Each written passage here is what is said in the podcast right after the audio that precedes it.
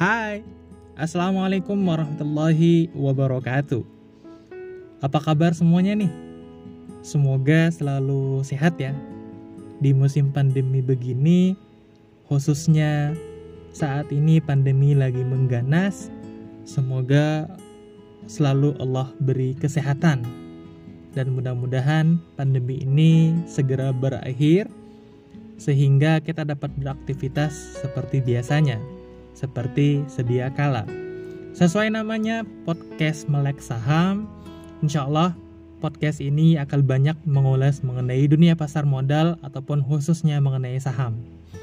BTW, lu pernah nggak sih ngalamin keadaan suatu ketika lu denger orang-orang ngomongin saham?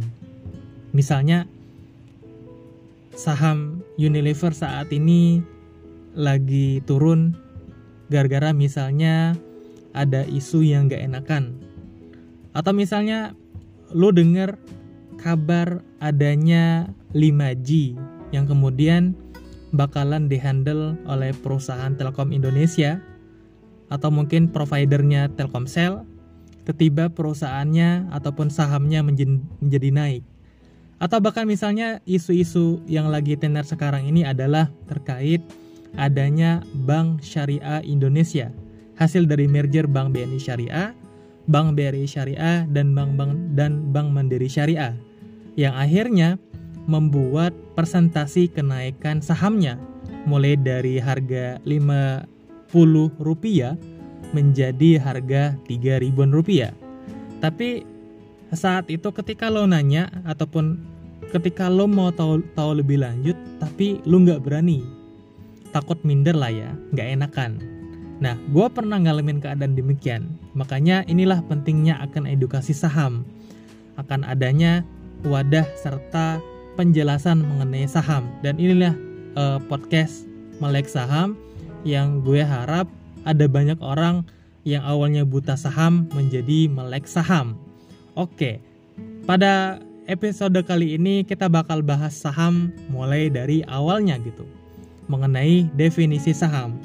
Secara sederhana, definisi saham itu adalah kepemilikan perusahaan. Itu. Jadi arti dari saham itu adalah berarti kita punya kepemilikan suatu perusahaan. Tapi yang yang perlu digarisbawahi di sini adalah kepemilikan perusahaan tersebut itu sesuai dengan persentase besaran dari saham yang kita punya.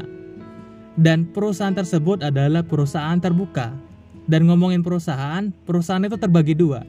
Ada yang namanya perusahaan tertutup, ada yang namanya perusahaan terbuka. Nah, kalau perusahaan tertutup itu adalah perusahaan yang belum melantai di Bursa Efek Indonesia. Perusahaan yang belum menjual kepemilikan sahamnya kepada halayak umum ataupun orang lain. Sedangkan perusahaan terbuka adalah sebaliknya. Perusahaan yang sudah melantai di Bursa Efek Indonesia. Atau mungkin bahasa kerennya itu adalah perusahaan yang sudah IPO. Dan saat perusahaan sudah IPO, artinya perusahaan itu sudah terbuka. Atau mungkin kalau teman-teman lihat di akhir dari nama perusahaan tersebut ada yang namanya kata TBK. Itulah menunjukkan bahwa perusahaan tersebut sudah melantai. Misalnya PT Telkom Indonesia TBK. Itu artinya perusahaan Telkom yang bergerak di bidang telekomunikasi sudah melantai di Bursa Efek Indonesia. Dan artinya perusahaan tersebut dapat kita miliki sahamnya, dapat kita beli ataupun dapat kita jual. Dalam perdagangan saham, seyogyanya dan seminimalnya ketika kita mau beli saham itu seminimal mungkin harus kita beli saham senilai satu lot saham. Lot itu dalam satuan bursa efek Indonesia berarti 100 lembar saham. Itu. Jadi kalau teman-teman misalnya mau beli sahamnya Telkomsel, Telkom misalnya, maka harus beli seminimal mungkin satu lot saham atau mungkin sama dengan 100 lembar saham.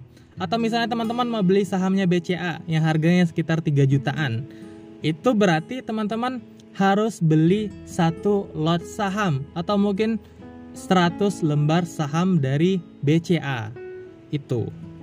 Bahkan dulu peraturan dari Bursa Efek Indonesia itu adalah satu lot saham itu berarti 500 lembar saham. Hanya saja ketika tahun 2014 dari Bursa Efek Indonesia menerbitkan aturan baru yaitu satu lot saham itu senilai 100 lembar saham. Kesimpulannya adalah yang dimaksud dengan saham adalah kepemilikan suatu perusahaan terbuka yang sudah melantai di Bursa Efek Indonesia. Dengan ketentuan dapat kita beli seminimal mungkin satu lot saham atau mungkin 100 lembar saham.